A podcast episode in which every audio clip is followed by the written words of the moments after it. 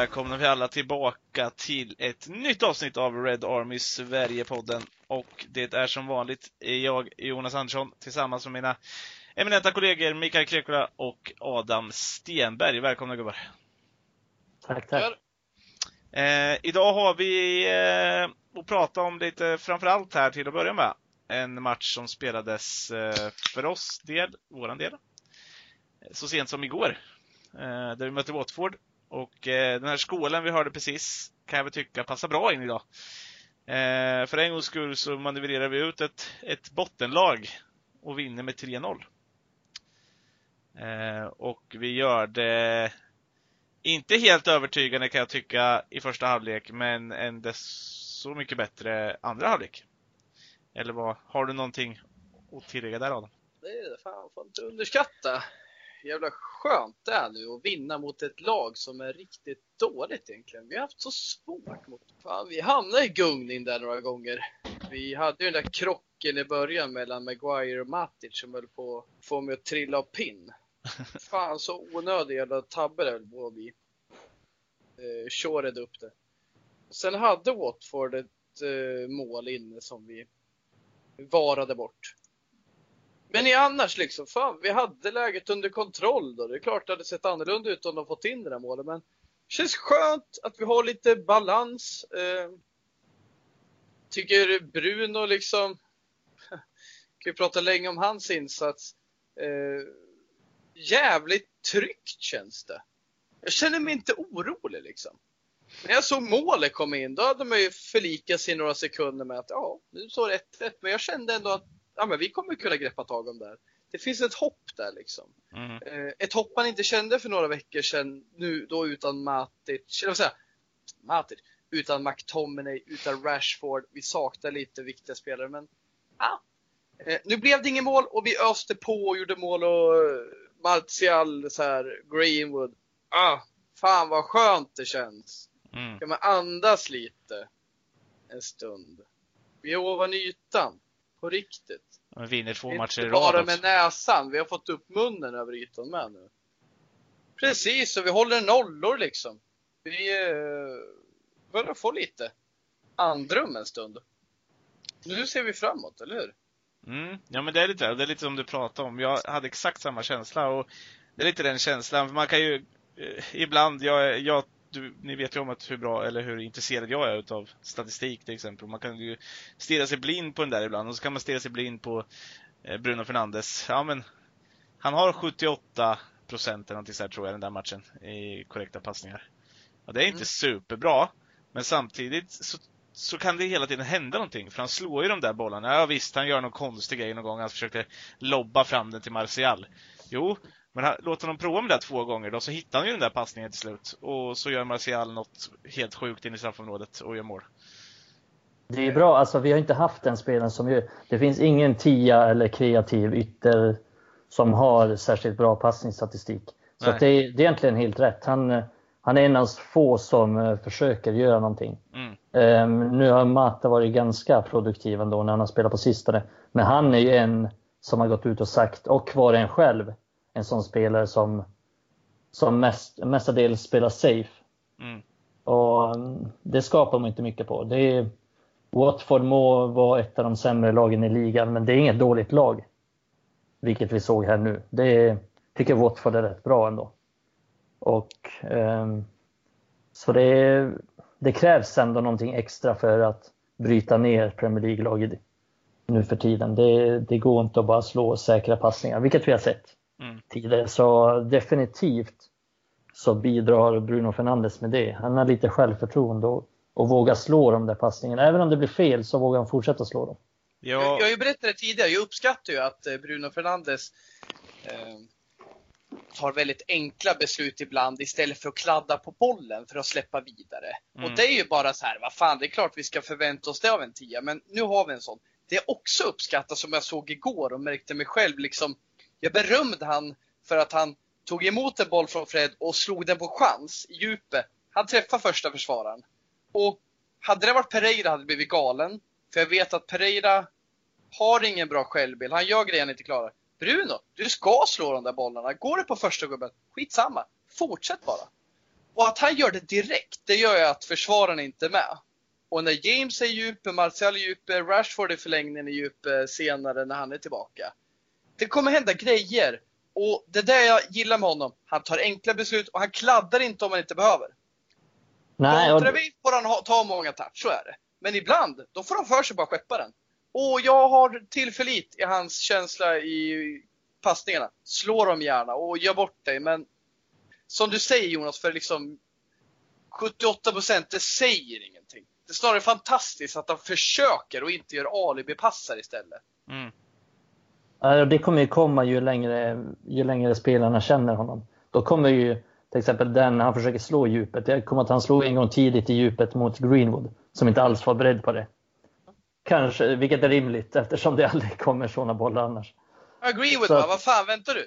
Ja, ja men nu, ja, nu har vi en ny sheriff i stan. Liksom. Ja, jävlar kommer, kommer det passningar som jag kan faktiskt springa på. Det var som fan. Ja. Nej, så att det kommer ju komma när, när de lär känna honom bättre också. Mm. Då kommer ju allt sånt synka ännu mer. Absolut. Ja, för Martial, framförallt i andra halvlek, tycker jag väl som sagt då att han, han också vaknar bättre. Jag har inte sett honom ta de där löpningarna liksom på länge. Eh, det känns som att, precis som ni säger där, ja men det är samma sak där. helt plötsligt folk ser lite förvånade ut först. Sen bara, ja fast jag kanske ska börja springa här nu då, så får jag bollen. Mm. Eh, det blir liksom en helt annan grej. Eh, och man behöver ju inte lyfta honom till skyarna än Bruno Fernandes, men han, han har ju Han bidrar ju med, med mål och assist förra matchen och det har han ju gjort egentligen under flera år nu. Så det är ju en poängbidragande mittfältare och han, han löper ju i djupled. Han, han tar ju de där obekväma löpningarna också, vilket kan öppna för andra. Ja, men jag tror att det mesta, alltså, det mesta av hypen kommer att det blir så tydligt att han är mm. så mycket bättre än konkurrenterna. Så att vi är inte vana att se en riktig fotbollsspelare som nummer 10. Nej, precis. Så det är, det när, vi ser en som, när vi ser en som kan slå en boll, kan slå en passning, som har lite självförtroende, som har lite eh, jävla pondus på planen. Ja, då, då tror vi inte våra ögon för att det är så länge sedan vi har sett det. Men det var ju håller en jävla hög nivå också. Då blir det ja. sån extrem kontrast från den här likgiltiga insatserna mm. vi har. Hade liksom en femstjärnig spelare i Premier League. Eh, behöver göra många mer bra matcher för att liksom vidhålla det.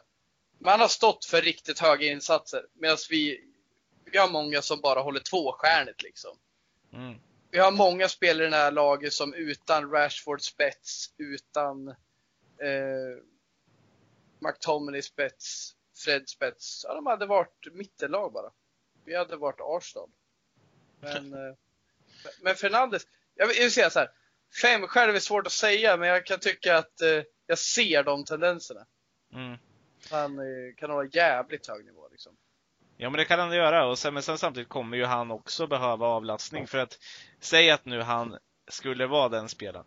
Så, men då får vi honom borta i en månad med en vrickad ankel. Eller något ja. sånt. Vad gör vi då igen då? Det måste ju ändå in någonting, det måste ju sprida sig i laget, det måste in någonting mer, vi måste kunna göra någonting annat som gör att vi fortfarande eh, fortfarande kan hota även fast inte han är med i en Pogba match. kanske? Ja, jo, absolut, men Ja, honom lär vi ju inte se nu efter de sista rapporterna här i alla fall förrän eh, senast, eller tidigast i slutet av mars typ. Ja. Vi får se, men ifall han skulle skada sig så finns det alltid Ja. Alltid det alternativet i alla fall. Sen kan man ju plocka in Angel Gomes och Mm, men det känns som att vi, det måste sprida sig i laget här nu så det blir någon annan också. För vi kan ju inte, vi kan ju inte stå där när Bruno Fernandes ska vila och så står vi där med Pereira och Lingard igen. Eh, som, som faktiskt inte slår bollarna. De slår inte de här bollarna. De har inte kvaliteten för att göra det heller. Och Mata håller ju inte så länge till. Nej. Det som är så fascinerande med Bruno, det är att vi kan titta på um, som vi alltid gör i fotbollsvärlden. Vi kan titta på hans summa, vad han kostar och vad han gör. Men vet du vad, det är så jävla mycket mer än så. Vi har säkert nämnt det tidigare, det känns bekant. Men alltså, bara att han kommer in på plan i United och höjer nivån på alla sina kollegor. Det är fan mig värt hur mycket som helst att bara det gör att folk tror liksom nu att ja, men fan med sån här kille, då kan vi börja göra mål och vårt försvar börjar se schysst ut. Vi kanske kan nå, alltså de börjar tro på det här. Mm. Det skulle vi kunna ge 120 miljoner, om, om ni fattar vad jag menar. Jag menar, vi tittar på 60 miljoner för honom, eller vad det nu var. Men det, det fanns som att eh, han får vissa spelare som är tvåstjärniga och blir trestjärniga liksom. Mm. Det finns så mentalt i det här. Och jag tror att många har fått tillbaka den tron de kanske hade i lagen med Pogba. Som är den här tydliga eh, vägvisaren. Eh, stark röst i omklädningsrummet. Mm. Bruno, han kom ju efter en match. Ja, men jag gjorde två mål, men jag, jag vill göra tre. Alltså, Men jag får, jag får också den känslan faktiskt. Eh, Mm. Jag kan inte riktigt förklara varför. Men det är, det är som du säger, det är någon slags känsla man får av honom och de andra på planen när han spelar. Ja. Utan det, det känns mycket, allting känns mycket tryggare. Det känns som att laget tror på det igen. Mm. Det kändes all, alltså, jag kände samma sak nu mot Watford. Jag var aldrig riktigt, riktigt, riktigt orolig. Det kändes fast det blir 1-1. Vi släppte in mål på en fast situation igen för hade det blivit elfte gången den här säsongen, vilket såklart är i toppen i Premier League. Men nu står vi fortfarande kvar där på 10 i och för sig, men det kändes som att vi kommer lösa det här ändå. Mm. Men det är, det är fan, vi måste få bukt på fasta situationer bakåt. Det är för jävla uselt. Den här gången är det ju återigen så är väl Victor Lindelöf lite inblandad i, i, i det här. absolut. Eh, sen tappar ju, ligger ju Van Bissaka också, han ligger på fel sida av sin, eh, av Dawson där. Sen att, ja, jag vet inte riktigt, men jag kan, jag är fortfarande lite så här att jag tycker vi har haft lite flyt med de här VAR-bortdömningarna nu också, både mot Chelsea och eh, mot Watford.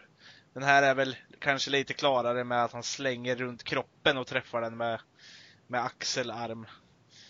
Eh, I stolpen. Ja, men men- men, ja, men, det, är, det är lite flyt för att Det är inget mål som hade blivit bortdömt utan VAR så att säga. Nej. Utan det hade blivit godkänt. Det, jag såg inget fel mer än förrän jag såg typ tre repriser. Ja. Ja, det är samma sak eh, med Kurt Schomas mål mot, eh, mot Chelsea. Mm. Eh, Det hade ju inte heller blivit bortdömt och inte troligtvis inte Giroud heller. Ehm, Men, men, men om man tittar så här, ja visst, det kanske ska vara bortdömda mål. Det ja, svårt att säga, en del är lite oklara. Men det är, så, det är fortfarande som du säger där att vi är ju lite halvdana i det där med markeringsspelet i eget straffområde. Och det är ju inte bara på fasta. Jag tycker ibland när det kommer till inläggssituationer och sådär med. Det, det är ju en jävla Mm. tur att Harry Maguire har rest sig sista Ja men sista, ja men sen efter eh, nyår egentligen. Och gjort, Mm. bara blivit bättre och bättre. För att när bollen kommer nära honom, ja men då försvinner den i alla fall.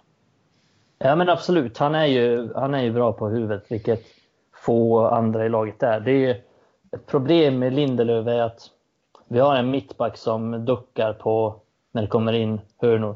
Mm. Vi har en mittback som knappt vinner dueller i, i luftspelet. Tänk när vi hade Rio Ferdinand och Nemanja Vidic. Mm. Vilken jävla skillnad i samarbete, pondus, ta bort bollar. Liksom. Jag nämnde det förut, men jag kommer ihåg när United mötte Stoke någon gång. De bara pumpade in bollar, men de tog bort allting. Rio Vidic. De förlorade inte en duell. Det var liksom, de mötte de Peter Crouch. De mötte stora, stora Stoke som var liksom som medellängd på 1,90. Men eh, de förlorade inte en duell där. Och det, det, det ser vi ju knappast idag. Det är, det är sån tydlig nivåskillnad. Och det, sen, det är klart, Rio och Vidic, det är ju det är Uniteds bästa mittbackspar genom alla tider förmodligen.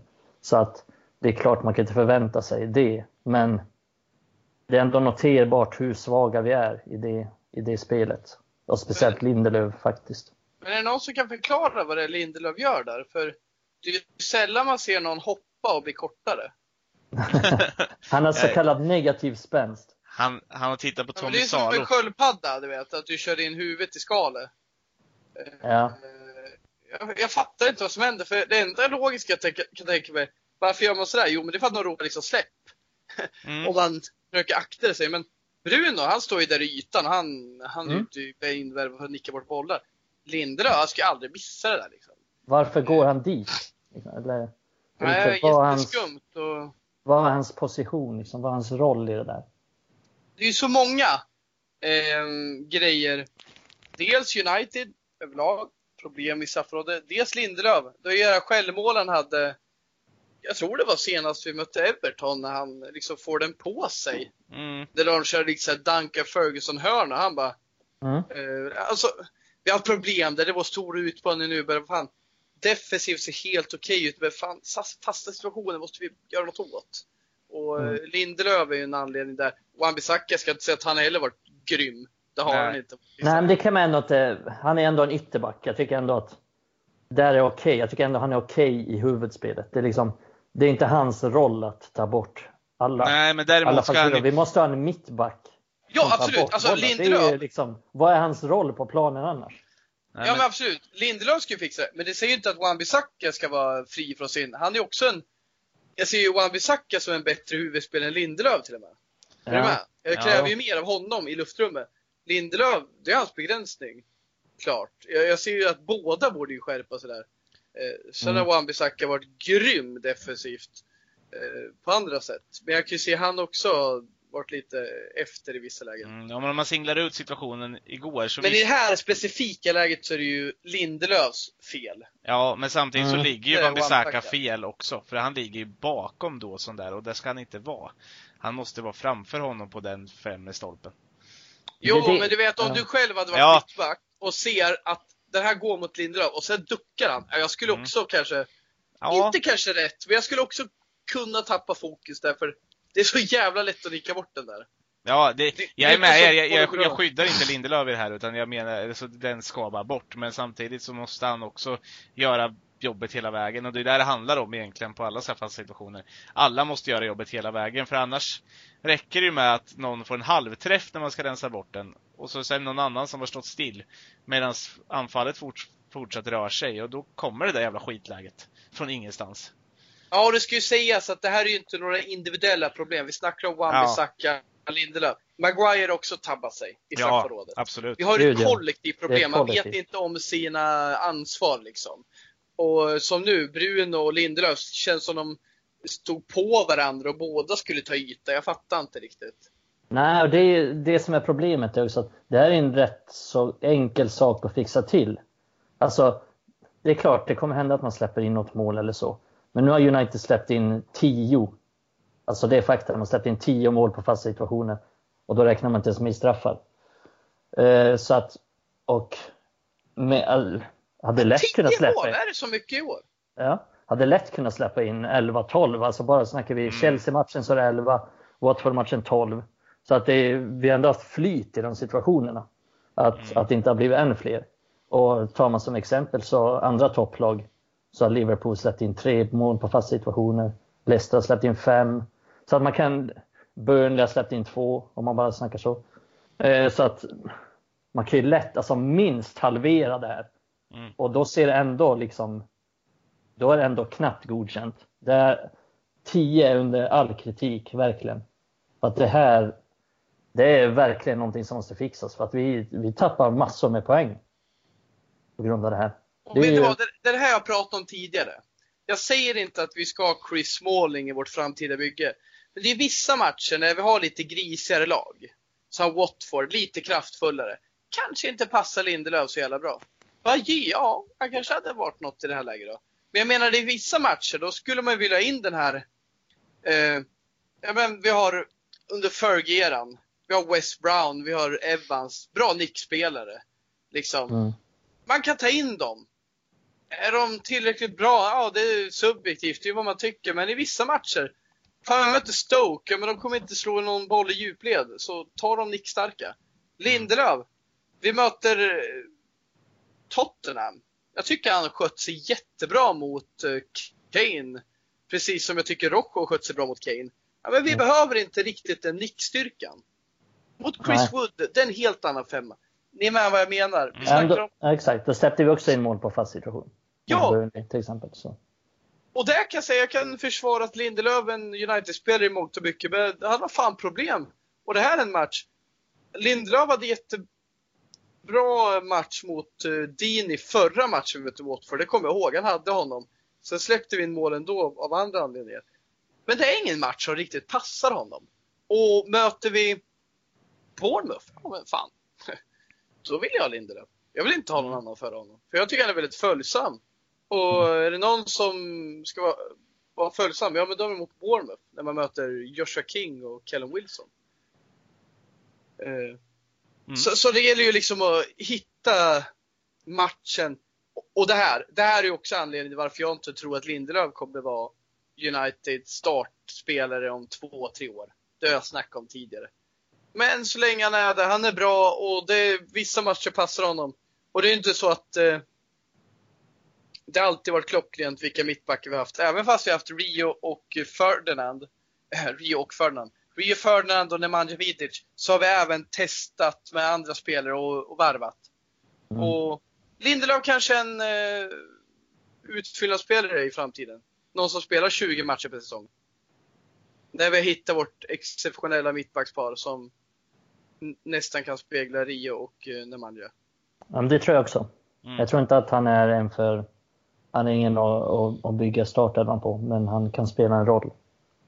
Ja, ja. Jag tycker Lindelöf kan vara så jävla bra i vissa matcher. Och jag kan säga någon gång mot Kane, han hade fan eh, övertaget liksom. För han är följsam, placeringssäker. Men det är just det där i luftrummet kan han bli lite ja, klen liksom.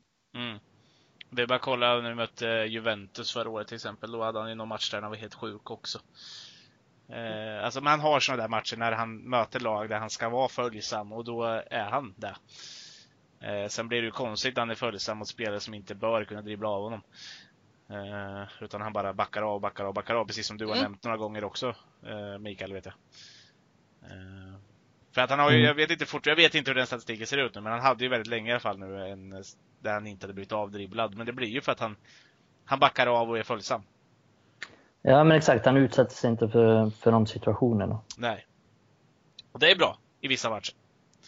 Mm, men Eh, ändå inte, tycker jag. Inte i hans fall, för att jag tycker att han är för passiv Mm, ja. som mittback. Jag vet, ibland, ibland ser jag faktiskt som en positiv sak för att bara få hem laget också.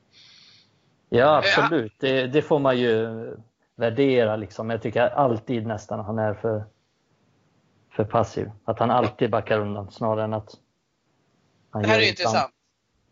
Ehm, en världsklassback hade inte sett som passiv. En Cannavaro hade sett som väldigt resolut och backar hem i rätt lägen. Och, Mm. men, Ja, men det- samtidigt kan det ju vara att man inte ser han som en, han är ingen som tar några risker. Medan. Bajy liksom springer i djupled när vi försvarar. Men jag skulle säga att Rio Ferdinand var en ganska, liksom så här Cannavaro, li, lite mer passiv. Om, speciellt om man jämför med Vidic också, som var ju den som gillade att stöta mer. Men jag skulle inte säga att han var liksom passiv så. Han gick ju in när det behövdes, när han, när han värderade att det var rätt. Men jag, värder, jag bedömer att Lindelöf nästan alltid vill spela säkert och liksom fokusera mer på att inte gå bort sig än att, än att faktiskt försöka ta bollen ibland när det verkligen behövs. Mm. Men vet du det, vi ska gå vidare strax här, men, men eh, har ni någonting mer ni vill skicka med om matchen mot Watford? Eh, absolut, jag tycker att eh, jag är fortfarande för att William ska starta, för jag gillar honom väldigt mycket. Men jag måste lyfta ett finger för att, eller lyfta, hylla Shaw lite. Jag tycker han har hittat, han har en bra form nu. Mm. Eh, förlåt. Han har en bra spelform. Han ser ju fortfarande ut att väga 10 kilo för mycket. Men fan, han, eh, han gör bra ifrån sig. Och precis som Martial fattar att nu har Solskär tagit in en anfallare, det är dags att liksom hålla jämn leverans. Det gör även Shaw. Även han har fattat, okej om jag håller på på samma vis som tidigare, då kommer jag bli av med min plats. Och Mm. Ja, det vill jag Ja. lyfta. Jag tycker inte han, han har kvar samma begränsningar, men han har varit bra. Och i vissa matcher kommer han vara jävligt nyttig. Och jag kanske inte hade valt att starta mot just Watford där vi kommer vara mer spelförande, men det känns skönt att han inte har gett upp helt, den mannen i alla fall. Han Mm. kommer kunna vara ett, ett alternativ när vi eh, Framförallt som en av tre mittbackar liksom. Det kommer Ja. vi spela ibland. Det kan vara bra att säga för vi har ju kritiserat mycket på men, men nu är det liksom dags att ja, men ge en liten hyllning. Men samtidigt, jag förutsätter ju att han fortsätter så här. Mm. Och jag kräver mycket mer av honom offensivt också. Det är som du säger. han får inte så mycket, men vad fan, vem vill passa honom? Han springer ju knappt upp andra, i andra matcher. Mm. Så det är liksom, man tar ju inte honom på allvar på det viset. Nej, han, han har ju sina begränsningar offensivt. Men nu har han ju varit eh, väldigt stabil defensivt och speciellt i en trebackslinje har han ju varit bra. Mm. Eh, men han var bra nu mot Watford också. Han var bra defensivt. Sen, eh, jag ska inte säga att jag förväntar mig mer av honom offensivt för att han har sina begränsningar. Han, jag tror inte han, han kommer aldrig leverera offensivt någonsin. Men eh, jag förväntar mig mer av en, av en vänsterback i United. Mm. Jag förväntar mig mer, då förväntar jag mig lite poäng offensivt. Det är, vad heter han, Ba- Baku Saka i Arsenal har nästan lika många assist den här säsongen som Luke Shaw har i hela sin karriär. Alltså, det är helt men då, men då har är- Sa- Saka spelat en hel del på yttern också. Ska sägas. Har han verkligen det? Ja, han spelade hela matchen mot, nästan hela matchen mot United, första matchen mot United på yttern och han har spelat en hel del ytter också. Ja. När har- när har Men- skadade så. Innan Martinelli började spela en del så gjorde han. Mm. Ja, men nu, du fattar poängen. Ja, jag, jag förstår poängen. Han gjorde assist när han spelade vänsterback senast. Men Vi, jag håller så- med, vi kräver mer av men ja, exakt. Jag förväntar mig mer av en, av en ytterback offensivt. Mm. Men sen tycker jag, det ska sägas, att han är bra defensivt. Han, han räddar upp ett mål senast dessutom mot Watford. Och Han har alltid varit, jag tycker alltid att han har varit ganska stabil defensivt. Han är, han är ganska smart. Och han har en helt okej uppspelsfot och så. Men det är bara, han har inte riktigt det drivet framåt och ingen sista boll heller att, att komma med riktigt. Men det, det är bra att eh, få lite alternativ och han kommer vara nyttig, helt klart. Han kommer vara nyttig i, i flera olika spelsystem så att det är kul att se att det kanske var det han behövde. Mm. Absolut. Få måste lite, bara nämna att fan ja. vad man ryste till där också. Måste bara innan vi går vidare. Med Greenwoods jävla mål. Ja, Alltså... jag satt med en polare och tittade och han bara Släpp in bollen igen, släpp in bollen igen. Medan eh, Greenwood spelade ut bollen till Fernandes och sen så skrek han bara Släpp in bollen igen, släpp in bollen igen. Och sen han får ta emot den och sen ser man bara där till, alltså det ser ju inte ens ut som han tar i, men bollen bara flyger iväg. Han är så Nej. sjuk avslutare den där gången. Alltså. Mikael bara hovar in aktiedelarna. ja, exakt, jag håvar in min aktie. Det är kul Det för det. Det det. Ja, exakt. Jag läste lite så, um, intervjuer med, med sådana som har spelat med honom när han var yngre. Alltså typ sådana som har spelat fotboll på skolgårdar och sånt med honom. De sa ju typ att när han sköt så var det som att man, man bröt armen om man såg i vägen. Typ. Att han sköt så jävla hårt när han var typ 10 år. och det, han ju tydligen eh, alltid när han var yngre så han alltid stått liksom så hemma på gården och skjutit med båda fötterna mot, mot eh, alla möjliga mål och väggar och allting. Så att han har ju verkligen lagt ner tid på det. Eh, det intressanta också med målet var ju, alltså när man kollar på hans expected goal, så hur många mål han har gjort. Så det är inte så att han har fått superlägen som bara, man tänker här ska vara mål. Utan han får ett halvbra läge Mm. och då sitter den nästan varje gång. Mm. Alltså han får bollen utanför straffområdet. Och då, då får man ändå känslan så här.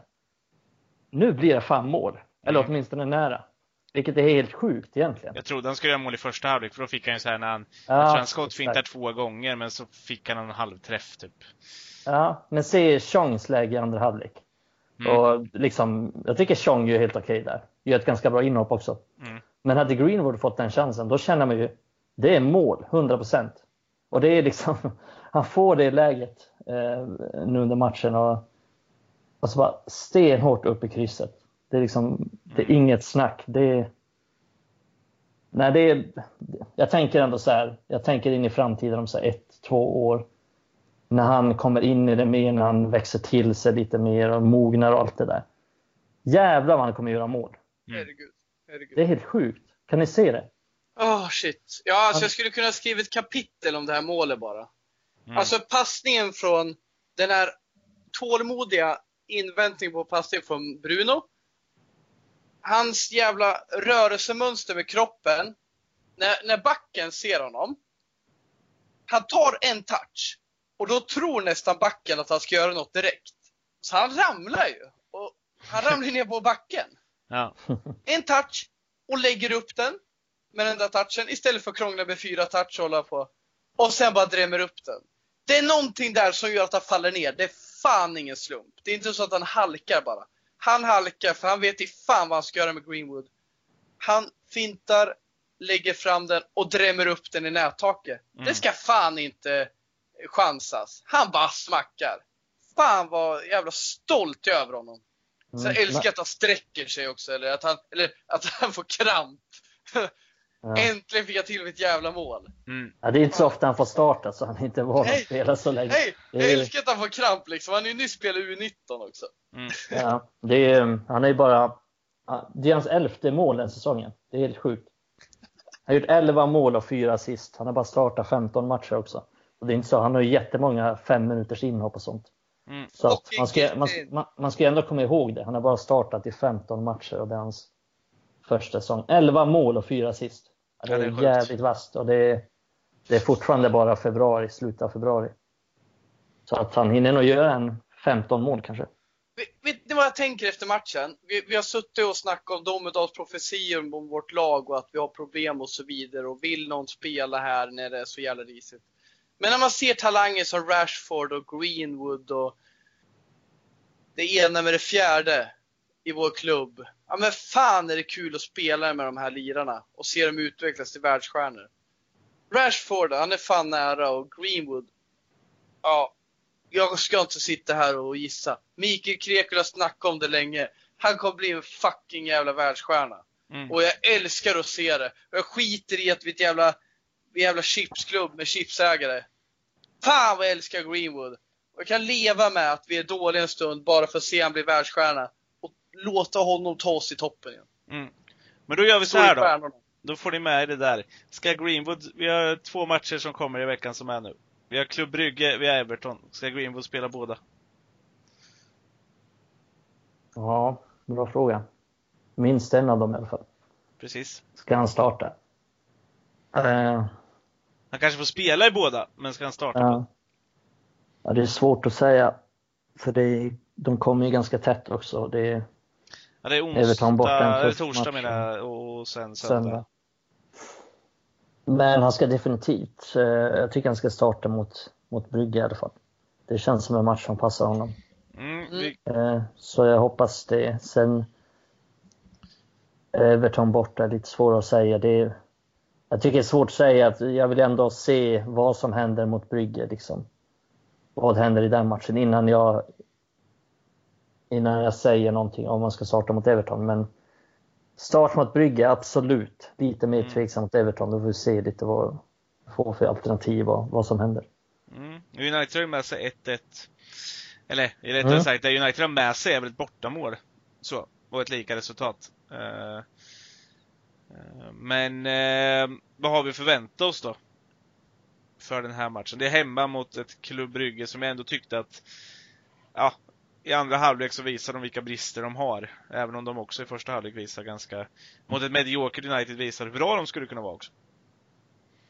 Ja, jag tycker det ska sägas att vi- var sånt jävla hål på centralt mittfält mot dem Mm. att vi lät dem kontra då. Och de fick sina kontringslägen.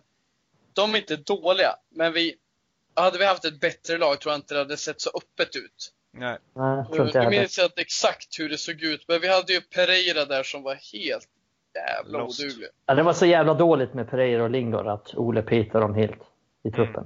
Alltså det, Ja. det var så illa så att han kände att fuck it, det går inte längre. Var, var det så Pereira och Matic som var. var... Var det Pereira och Matic som var centrala mittfältare? Mm. Ett tag var det det. Sen så helt plötsligt så var Mata där nere, för då var Pereira uppe och sprang som tia. Ja, de skiftade lite där. och Det är Eh, en ja, märklig grej som försiggick. Ja, jag vet inte riktigt vad de höll på med. Eh, ja.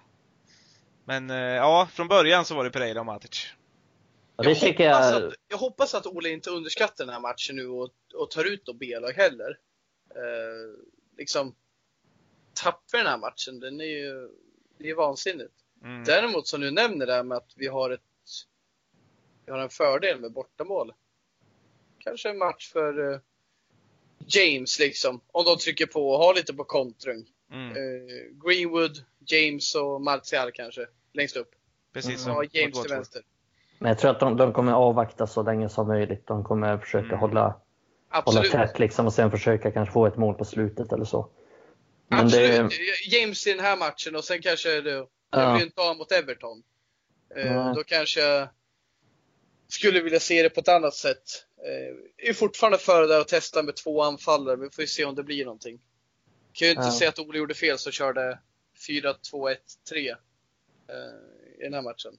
Nej, det var ju bra mot Watford. Eh, jag tror dock att jag skulle vilja se mot Everton sen om vi, om vi rullar fram dit åtminstone.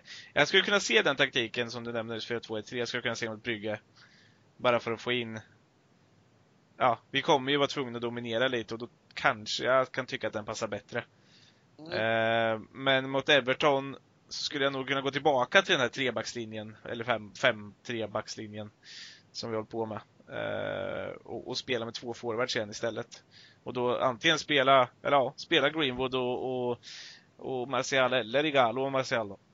För att kunna få in någonting. Eh, där jag skulle vilja se av Igalo som man har märkt hittills är att han är lite större.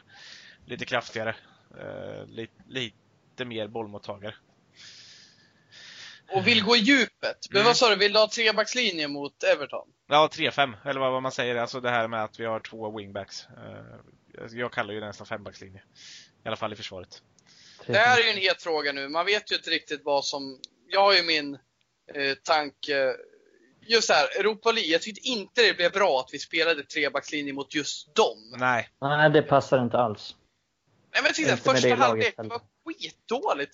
Sen kom vi igång, men jag vet inte om jag tycker det handlar om taktik. Jag tycker det mer handlar om att eh, Klubb Brygge blir försiktiga. För säga vad vi vill, Martial ser till att fixa det här 1-1 målet till oss mm. mot eh, Klubb Brygge. Det är ju inte så att vi fixar fram det. De bjuder ju på det inkastet. Sen gör ju Martial vad bara Martial hade kunnat gjort den matchen. En eh, soloräd. Mm. Den hade ju inte eh, kanske Gallo gjort. Vi skapade ju noll mot dem. Det är det jag menar. Eh, trebackslinje, fan inte gärna när de backar hem.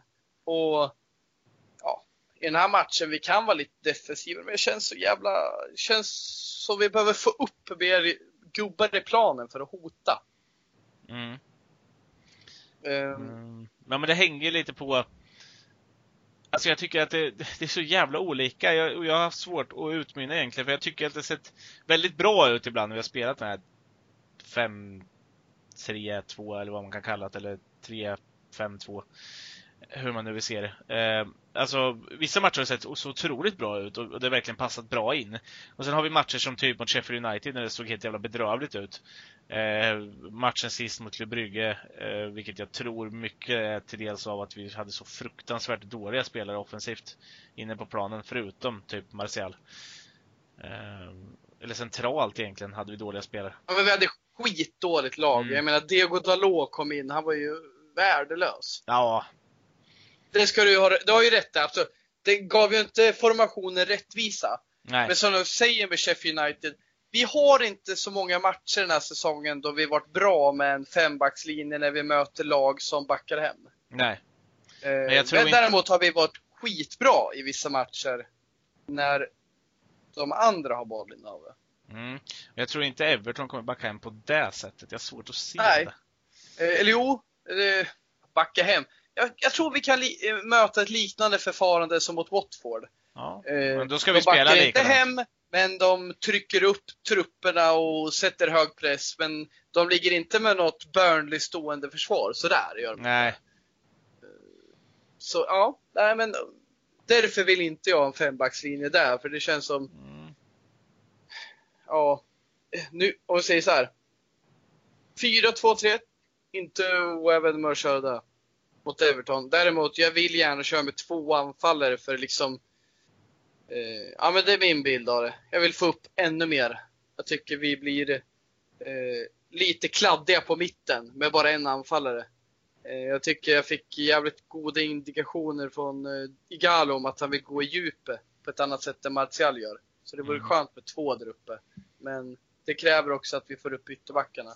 Eh, tycker fan Wan-Bissaka var ganska jävla eh, ointresserad offensivt mot Watford sist. Eh, grym ja. defensivt som vanligt, men det känns som han nästan som han fått instruktioner om att han ska hålla sig hemåt. Liksom. Ja, han gjorde bara någon sån där eh, halvräd Alltså, mm. eh, som han gör. Och han slog in något inlägg som, ja, i och för sig var ganska nära. Det var faktiskt ett hyfsat inlägg till och med där också. Jag kommer inte ihåg det. Vad, vad fan var det då? För... Nej, men han, tänkte... Eh, han gjorde liknande som mot, han stannade och så petade han neråt igen. Eh, precis som han gjorde när eh, målet mot, som Martial gjorde mot Chelsea. Han stannar ja, upp och petar och så drar han ett liknande inlägg, bara att den blir lite för hög för den här gången för Martial och så hamnar den typ precis på Foster sen. Fast det var ändå så att Foster var ändå tvungen att agera. Det var ett ganska, det var ett helt okej inlägg. Hade någon tajmat den lite bättre på första så hade det ändå kunnat bli bra. Men sen är det så här, så kan man ju alltid säga. Hade någon bara tajmat bättre. Men ja, jag tyckte ändå att det var helt okej. Men som du säger, han hade inte lika många gånger som han brukar ha annars. Nej, och det, det tycker jag krävs. Om vi ska spela någon slags 4-3-2 eller något som jag vill, då måste vi ha väldigt offensiva ytterbackar som fyller på. Mm. Hur tror ni att det går i de här matcherna då? Eh, jag tror vi vinner mot Klubb Brygge, förutsatt att vi spelar ett bra lag. Mm. Eh, jättesvårt att tippa den på det viset. Så jag mm. avsäger mig den, för jag vet inte vad Ole tänker där. Nej, jag eh, tänker... Hur han ställer upp eh, nästa match, det kommer säga allt om vad han tror om Europa League. Mm. Eh, mot Everton dock. Ja. Förlåt, men jag är lite så här, ja. Everton, de är inte dumma. Eh, de har inte förlorat en enda jävla hemmamatch sen i november. Och Ancelotti, han gör mål per match. Så... Bra på fasta 1 -1. situationer. 1-1. Och det är ett... Eh... Det är ett mål från... Eh... Fan, jag bara gissar nu. Martial säger vi. Mm. Martial har fattat vinkeln. Han har varit så jävla bra. Alltså jag, jag, tror att oavsett, så länge han inte slänger in typ Lingard och Pereira igen så vinner vi mot Brygge. Och sen Everton. Vi går vidare i alla fall. Ja, precis. Eh, Everton, jag är också osäker. Jag kan också faktiskt tänka mig ett kryss. Det skulle kunna bli, skulle lika gärna kunna bli 0-0 i en sån där match. Eller 1-1. Alltså som du säger, de gör mål på en fast situation. Jeremina kommer upp eller någonting. Eh, och, och in, blir inte markerad av Harry Maguire och sen så gör eh, Greenwood och så här, ja, han får ett läge utanför straffområdet och dunkar dit den. Eller Martial får ett bra läge att sticka ifrån och så lyckas han med det. Jag skrattar för du sa Jeremina, var precis han jag tänkte på med. Mm. Om man nu skulle säga en Everton-målskytt. ja. Det är så jävla svårt att tippa Uniteds matcher som vi var inne på innan. Det, det kan hända vad fan som helst. Eh, men jag har också lite feeling för att det blir oavgjort faktiskt. Men fy fan vad ni ska härmas hela tiden. Ja. Det är så jävla tråkigt. det blir ju 1-1. Vad fan. Det Ibland blir ju 1-1. man vara populistisk. Ja. Det blir 1-1 tydligen. Ja, kul. Ja. Då vet det alla. Den eh, fjärde plats. Vet alla målskytt är, målskytt är Fred på ett långskott. Fan. Fan du är rolig ibland Mikael. Uh, ja, nej, vad tycker ni nu då? Ska vi gå vidare till frågorna så att vi får nöja våra så, väldigt eh, trevliga lyssnare faktiskt som har varit riktigt på G idag med frågor. Eller vad ja, ja, ja! Ja, då gör vi det. Mm, och eh, först bland frågorna så vill vi egentligen bara hänvisa några stycken. Eh, Mattias Eleniusson, du fick ju lite svar på ditt där att eh Eh, Everton pratar vi om i det här programmet så att eh, därför hade vi inte med det i förra. Eh, Bengt Bäckman och Bengt Norman, ni undrar vad vi tycker om vad som ska prioriteras, ligan eller IL? Europa League alltså. Eh, och eh, Ja, det pratade vi om i sista avsnittet som var, eller senaste avsnittet. Avsnitt 24. Ny sheriff i stan. Det är bara att gå in och lyssna så får ni veta våra tankar just om det. Vi pratade även i det avsnittet, Patrik Liljenby, om eh, vem som vi tycker bör spela jämte Maguire, Lindelöf eller Bailly. Och vi blandade även in Axel Tuan Sebe i det här snacket. Eh, Samtidigt så pratar vi även om eh, där, just det, om vi tycker att vi ska spela med tre backar eller inte. Och det har vi även pratat om nu. Så jag hoppas att du Dennis Markin 00 är nöjd med det. Och alla silly frågor sparar vi faktiskt till i sommar. Eh, när vi kommer lite närmre. Annars så kommer vi mest sitta och spekulera i den här podden och det vill vi inte göra just nu. Utan då hoppar vi in på de frågorna vi tänkte ta. Och vi börjar med Marcus Pettersson och Jocke Sjöstedt. De frågar om Bruno Fernandes. Eh, Och hur bra är Bruno egentligen? Är han överskattad eller är han verkligen så bra som fansen säger att han är? Skulle han kunna vara våran frälsare? Ja, vad säger vi om det? Jag tror ju att, um, jag var inne på det lite tidigare, att han har kommit in och varit så mycket bättre än konkurrenterna på samma position. Mm. Att han har fått någon slags frälsarstatus.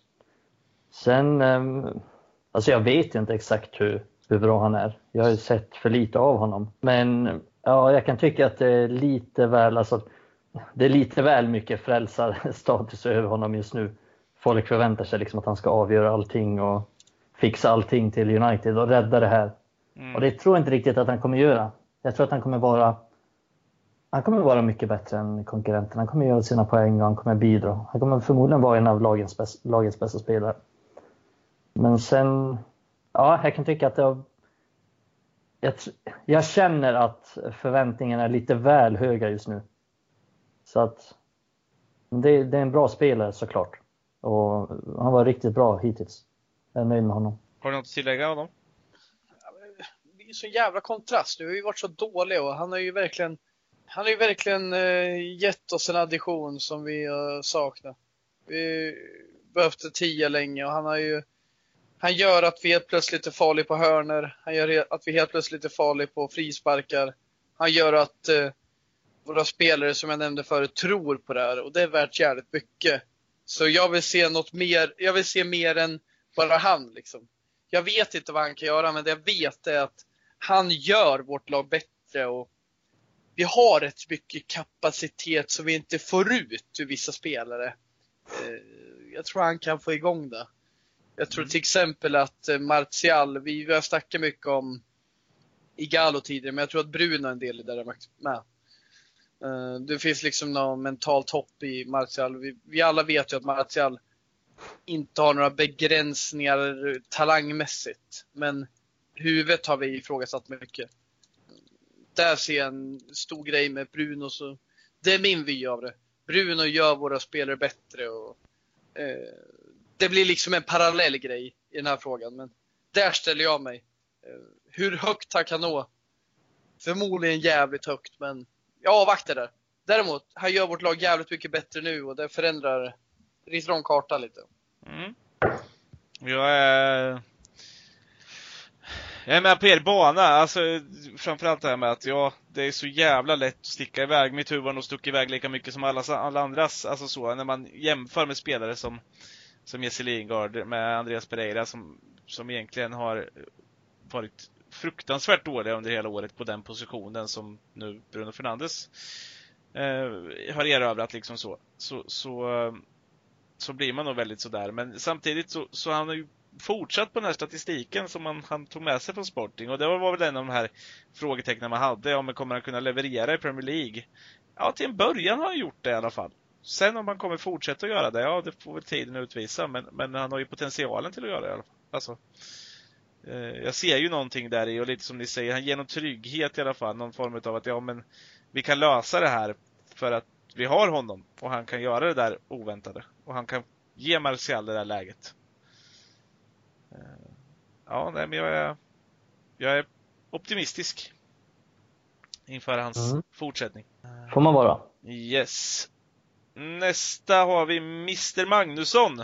Han undrar egentligen om eh, Ole äntligen har insett hur kassa Jesse Lingard och eh, Andreas Pereira är efter att ha petat dem mot eh, Watford.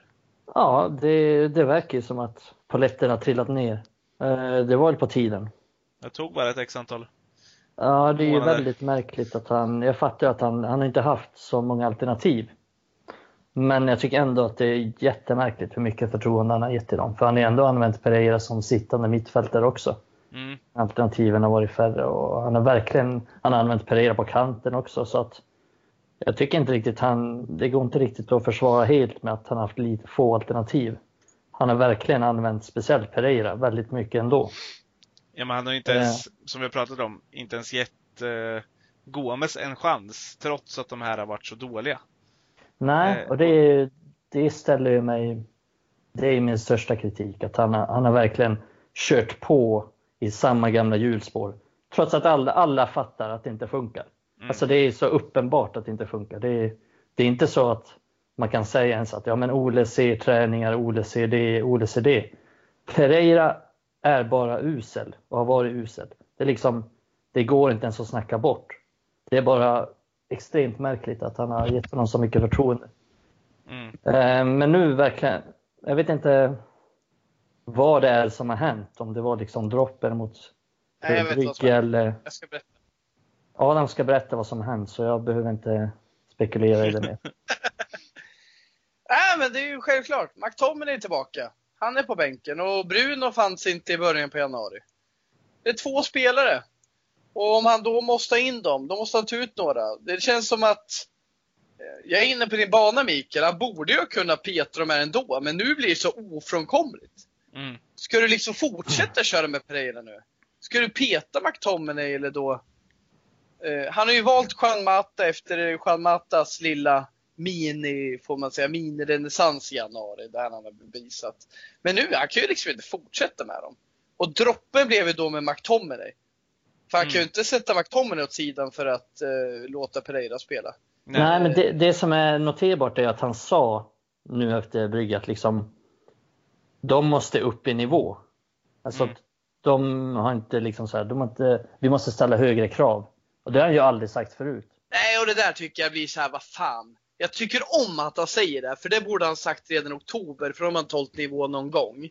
Mm. Däremot känner jag att det där hade han ju aldrig sagt om han inte haft eh, alternativen att peta dem. Mm. Eh, jag vill ju att han sätter de kraven tidigare. Det blir som att liksom Uh, ja men fan nu ska jag komma, jag har alltid så jävla behov att komma på exempel. Men ja fan, det är ju lätt att, det är ju lätt att Ja fast man hade ju velat att han... Snacka nu liksom. Det är ju lätt mm. att snacka nu när vi har alternativen. Men man hade jag velat ska... att han, även fast han är tvungen att säga så här, ja, eh, jag har så mycket skadebekymmer så att jag är tvungen att spela med, med vissa spelare. Men de här måste upp i nivå för annars kommer vi aldrig vinna matcher. Alltså så, så hade han kunnat sagt. Alltså ibland får man hänga ut spelare för att de är för dåliga. Ja, och han har ju inte hängt ut dem för han vet att han behöver kanske, i hans eh, infallsvinkel, han behöver använda någon av de här i alla fall när vi har en tunn trupp och så vidare. Mm. När vi har skador. Men nu, då är det lätt att säga det. Så jag känner så här, jag är glad att han petar dem för det rätta. Att han säger så, eh, det hade han inte sagt tidigare, även fast faktan är densamma. De har inte hållit nivå hela säsongen. säsongen. Varför kommer det i slutet på februari? Nej, för det kommer ju eh. ganska plötsligt. Det är inte så att Sen, de gjorde någonting att... extraordinärt dåligt. Det, är liksom, det här har ju varit deras standard. Det är inte så att Pereira var extra usel mot Brygge. Eller att Sen Lingard tycker jag det är fantastiskt liksom... att peta dem, för jag tycker inte de håller nivå. Mm. Men just det här uttalandet, det blir lite fånigt med tanke på att alla har sett att de inte hållit nivå hela säsongen. Lingard har visserligen suttit på bänken, men kolla på hur mycket Pereira spelar. Han har fan haft matchminuter varenda jävla match. För Ole har en jävla behov av att köra in honom. Alla ser att han inte håller nivå. Och så sitter Gomes utanför planen liksom. Ja, men det är ju till exempel ta matchen mot Chelsea. Det är ju det är Pereira som kommer in då. Det är ganska tydligt tycker jag att det är en spelare han litar på. Mm. Och det tycker jag det är märkligt att han gör det. För att jag som ser alla matcher och ni lyssnare som ser alla matcher och ni också som ser alla matcher, vi litar absolut inte på honom. Det enda vi kan lita på att han det enda vi kan lita på är att han kommer vara dålig. Det är det enda som är konstant med honom. Det... det har varit otroligt mycket ja, kan man uttrycka det som hat i den här podden mot just Andreas Pereira, men den är ja. ju inte, den är inte obefogad, så är det. Alltså... Kommer vi ha någon podd där vi inte diskuterar Andreas Pereira? Det, jag vet inte. Det får men... vi se. Vi måste ha gjort det i varenda podd tror jag. Ja, men han är ju inblandad i varenda jävla match nästan. Och den här gången så ja. blev det istället i en, i en fråga då.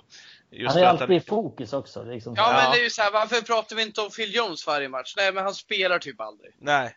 När han gör Nej. det, då får han höra det. Men Pereira, han spelar han med fan varenda jävla match.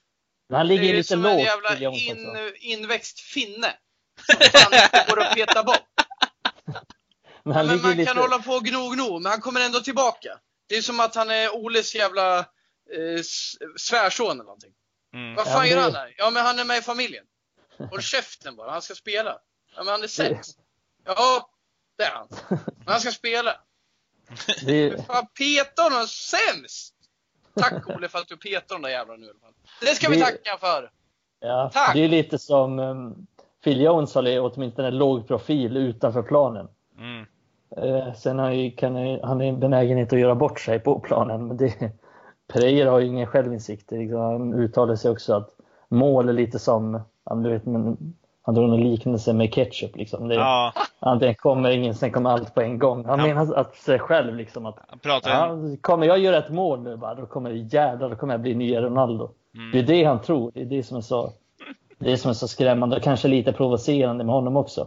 Phil Jones är ändå harmlös på något sätt. Man tycker mest synd om honom på något sätt. Men Phil Jones verkar ändå vara liksom schysst ha fötterna på jorden. Det var, Pereira är ju bara... Han har ingen självinsikt alltså. Det. Äh, vi går in på övertiden på det här. Eh, och tar en sista fråga. Eh, om övertid menar jag att vi har några minuter kvar. Äh, eh, Miljam Eliasson frågar om det är dags att släppa, och jag antar att han menar Daniel James, han skriver James, från starta elvan. Mm, jag tänker att det här också kanske är någonting som Ola hade gjort om han hade haft fler alternativ. Jag tänker att James har fått spela så mycket för att det inte har funnits så många andra alternativ och han har mig veterligen aldrig varit skadad den här säsongen än heller. Mm. Så att det har blivit så att han har fått mycket speltid och Men han har varit konsekvent, just som du säger, lite som vi har pratat om Lindelöf tidigare. Att Ja. han har alltid varit tillgänglig. Och ja, han, exakt. han har gjort ett jobb i varenda match. Det kan man aldrig ta ifrån honom. Han är alltid jobbig för motståndare att möta för att ja. Ja. men de har det där hotet av att ja, men, ger jag honom två meter så är jag ju efter med 20. Ja, men exakt. Det, Men ja, det ska jag ha cred för såklart att han jobbar hårt, men vi kan inte, vi kan inte blunda för det faktum att han inte gjort mål sedan augusti. nej. att han inte har gjort en enda poäng under 2020. Det går inte riktigt att ha en sån offensiv spelare på, på planen i, i Manchester United. Jämför man med Greenwood så är hans, han är ju helt överlägsen vad gäller liksom poängproduktion per, per minut. Och överlägsen poängproduktion överlag också, trots att han spelar mycket mindre. Men, ja, så jag tror att det har att göra med att han alltid gör jobbet och att Ole inte haft så många alternativ. Jag tror att Mm. när det kommer fler alternativ och så och kanske liksom till nästa säsong också om vi får in någon till ytter eller så, så kommer James få spela, spela mindre. Jag, tr- jag tror det är som det sett ut nu att eh, Solskär har ju börjat tappa lite tålamod där med att fan, jag gillar ditt jobb men det är för lite end product. Vi behöver få ut mer av dig. Eh, med Rashford i form och eh, utan skada. James hade knappt kom, kommit in i matcher. Eh, jag tror han hade kört lite mer med Rashford, Martial och Greenwood. Eh, faktiskt. För han har bänkat James och det har blivit lite halvdana konstellationer längst upp. Eh, nu, jag ser inte riktigt att han ska börja starta i och ha med Martial och Greenwood för att peta James. James kommer få spela lite, men det vill komma till, med Rashford frisk, då hade han fått spela ännu mindre än han har fått gjort de senaste veckorna. För det har märkts att han har börjat satta på bänken lite mer än han gjorde 2019, så att säga. Ja, börja byta ut honom lite mer, lite tidigare. Ja. ja. Eh, han kommer att få spela lite nu. Men, Mm. eh, han borde petas. Det, det, det känns som att eh, Jag, jag han levererar för lite i vissa matcher. han kommer fasas ut mer och mer och det mycket beror på just det vi pratar om. Att han har fått spela, för tanken var inte att han skulle spela så här mycket inför året. Sen gjorde han en väldigt bra start och då var det enkelt för Ole att fortsätta spela honom. Så. Ja, Och det är så det kommer få vara tills vi har tillbaka full trupp, tror jag i alla fall. Han Mm. kommer spela, men inte lika mycket. Och framförallt inte om Greenwood fortsätter leverera på det här sättet. Eh, Mm. och, Enig? Mm. Och med de orden från mig den här gången så får vi ta avrunda det här avsnittet av Red Army Sverige-podden. Jag vill eh, tacka er Adam och Mikael. tack.